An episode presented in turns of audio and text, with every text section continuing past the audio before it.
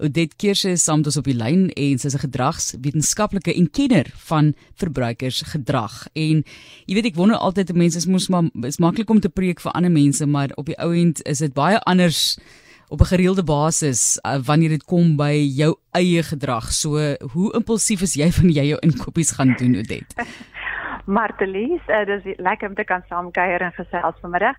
Ehm um, as ek moet eerlik wees, ek sit letterlik tussen kerspapier en geskenke te draai terwyl ek met julle gesels. So ek is net so skuldig soos die persoon langs my. en ek moet sê een van die dinge is om jy sê altyd vir jouself koop daai kersgeskenke in 'n ander tyd van die jaar want dan is dit bietjie goedkoper. Daar's jy gejaag nie daai tipe van ding. Hou dit eenkant en dan kan jy maar net dit mooi toedraai later. Maar mense doen dit nooit nie, nee. Ja, weet jy die die feestelike atmosfeer wat met die Kersmusiek en klokkies en liggies en blink Kersversierings kom, is maar altyd 'n iets wat 'n gevoel van behaaglikheid skep in ons en dan is ons meer geneig om geld uit te gee. So, uh, dit is moeilik om om hierdie temptasies te weerstaan tydens Kersfees. Goed, gepraat van daardie dinge wat ons aanlok en jy kan net nie verby dit loop sonder om in te gryp nie. Ek sê nou maar net altyd hou jou slippie. Jy kan dit altyd terugvat hooplik na die tyd as jy besluit dit is 'n is 'n slegte idee en ons het verlede week jy's gepraat oor die tipe geskenke wat gewoonlik op die ou end op Gumtree of hoe dit ook al sy beland wat nie regtig gebruik word nie. So mense moet maar slim besluite neem maar hoekom is ons so impulsief wanneer dit kom by koop in die algemeen maar dan spesifiek nou gefokus op Kersgeskenke? Ehm um, Matielies daar's verskeie faktore wat maak dit ons so impulsief kan wees en en geld uitgee wanneer ons nie behoort dit te doen nie.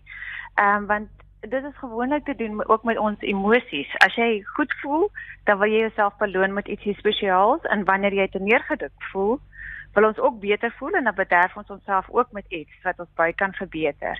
Ehm um, want wat gebeur is dat wanneer ons iets vind wat ons van hou, is daar 'n proses van dopamien wat in die brein vrygestel word. En dit is amper dieselfde gevoel van genot wat dit jy sou gekry het van 'n dwelmmiddel wat basies verslawend kan wees.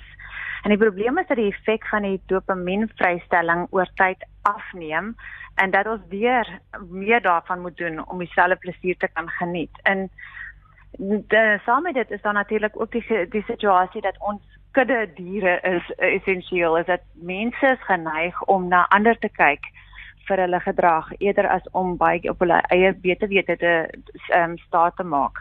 En dan as ons nou hier oor Kerstyd sien hoe ehm um, kleinhandelaars advertensies gebruik waar mense met vol trollies stap en lag en glimlag en families lyk gelukkig, dan is dit dan is ons geneig om te voel dat ons ook dit wil doen en dat uh, as ons hoor van ons vriende en familie wat met Kersvoorbereidings besig is, ehm um, word ons ook ingetrek in daardie Kers panikopies. Goed, nou baie van hierdie dinge is jy weet aspekte wat ons nie oor beheer het nie, soos ek altyd bewus daarvan nie, is die feit dat daar word spesifieke besluite geneem deur die kleinhandelaars gebaseer op hierdie gedragswetenskap om dit gebruik tot hulle voordeel. Ons weet hoe supermarkte byvoorbeeld uitgelê word in terme van kos. Ek weet daar's 'n bietjie verandering aan hier en daar as dit kom by die sjokolade roete wat jy volg wanneer jy daar uitloop, maar dis nou nog steeds 'n paar verleidings en versoekings na 'n rede daarvoor. So gee vir ons 'n idee van wat kleinhandelaars doen om ons te lok en seker te maak dat ons bietjie meer koop is wat ons gewoonlik sou. Ehm um, in die eerste plek is is is daar natuurlik baie spesiale aanbiedings gedurende die Kerstyd. En hulle kleinhandelaars gebruik die sogenaamde voet in die deur tegniek wat ehm um, maak dat hulle groot afslag aanbied op sekere items wat hulle adverteer, want hulle weet as ons nou eers in die winkel is, is dit onwaarskynlik dat ons net daai een item gaan koop. Jy weet as ons nou daar is, dis wat nou hulle noem daai uh, emosionele koste van wat dit gekos het om tot daar te kom. Jy weet, ek moes my kar klim, ek moes ry of parkering soek, ek moes in 'n tou staan. Ehm um, en dan het ons daai gevoel van ek het nou so ver gekom, ek het nou soveel moeite gedoen. Ek wil nou nie sommer net met een ding uitstap of as daai ding nou nie beskikbaar is nie sonder enigiets uitgestap nie. So dan dis sommer geneig om ander goed ook te koop of addisionele goed saam met met met wat ons ehm um, aankope is buite sit wat ons nie noodwendig sou doen voorheen nie. Ehm um, en dan is dit ook natuurlik 'n uh, daai sielkundige ding van Kersfees word geassosieer met assosieer met 'n tyd vir families en vriende om hulle sosiale bande te vier en te versterk en dit sien ons baie sterk deurkom in baie van die advertensies. So ons kry hierdie onbewuslike boodskap van ehm um, wat ook al ons spandeer op ons geliefdes is 'n is 'n basiese refleksie van ons verhouding met daardie persone en hoe meer ons spandeer op hulle, hoe meer is hulle word kan ons hulle bederf en hoe meer beteken hulle vir ons wat natuurlik nie waar is nie. Sê vir ons bietjie watter tipe van impulsiewe gedrag jy al toegepas het of hoe jy dit vermy. Dalk moet ons daaroor gesels. Op SMS lyn 45889 dis rand 50 per SMS gesels gerus daarso saam. So kom ons gesels oor ego-uitputting. Dit klink baie ernstig en op 'n hoëre uh, sielkundige vlak en hoe beïnvloed dit die verbruiker se gedrag? Ego-uitputting is 'n baie interessante ehm um, uh 'n verskynsel want dit word eintlik in, in die konteks van selfbeheersing en wilskrag gebruik wanneer ons byvoorbeeld na advertensie uh, blootgestel word, moet ons onsself die versoeking versoeking weerstaan om nie toe te gee nie en sommer net die item te gaan koop nie. So hierdie selfbeheersing verg baie inspanning en energie.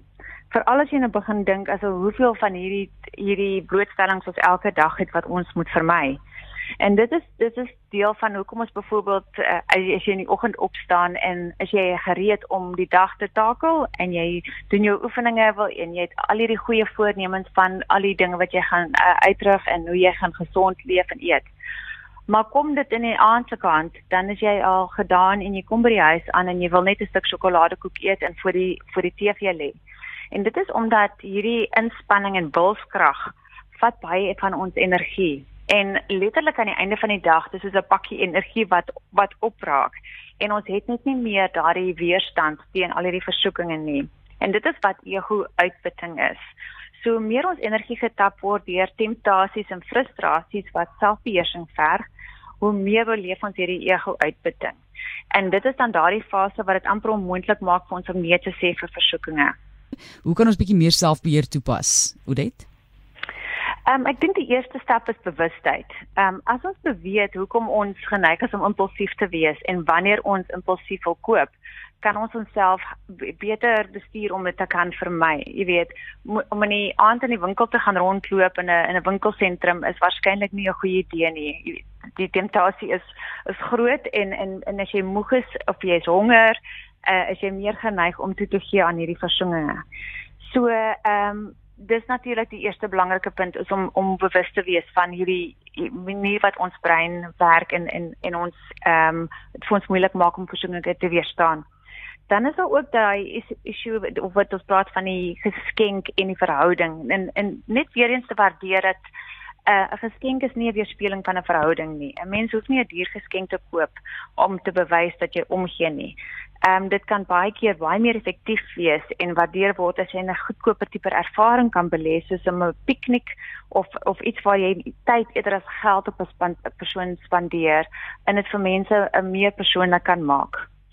Ehm um, en dan dit natuurlik is is is die feit dat ons almal moeg en gedaan is veral die tyd van die jaar 'n groot groot probleem vir vir in terme van impulsiewe inkopies. Ek dink die luisteraars sal almal saamstem dat hierdie 'n jaar was wat baie van ons baie moeilik gevind het met ehm um, baie frustrasies, baie onsekerheid en daardie tipe van goed is is ehm um, dra geweldig by tot ego uitputting. So hoe swaarder ons getrek het hierdie jaar, hoe moeiliker is dit om temptasies te te weer te kan vermy. En so die enigste manier wat mens regtig hierdie ego uitputting kan uh, oorkom is deur te rus, te slaap, ehm um, en en en net 'n bietjie tyd uh, te vat vir jouself en en net weer daai batterye te te kan um, herlaai. Ja, ja. so uh, hoe meer ons dit kan doen, hoe meer kan ons ons stresvlakke verminder en dan hoe minder sal ons geneig wees tot hierdie impulsiewe aankopies.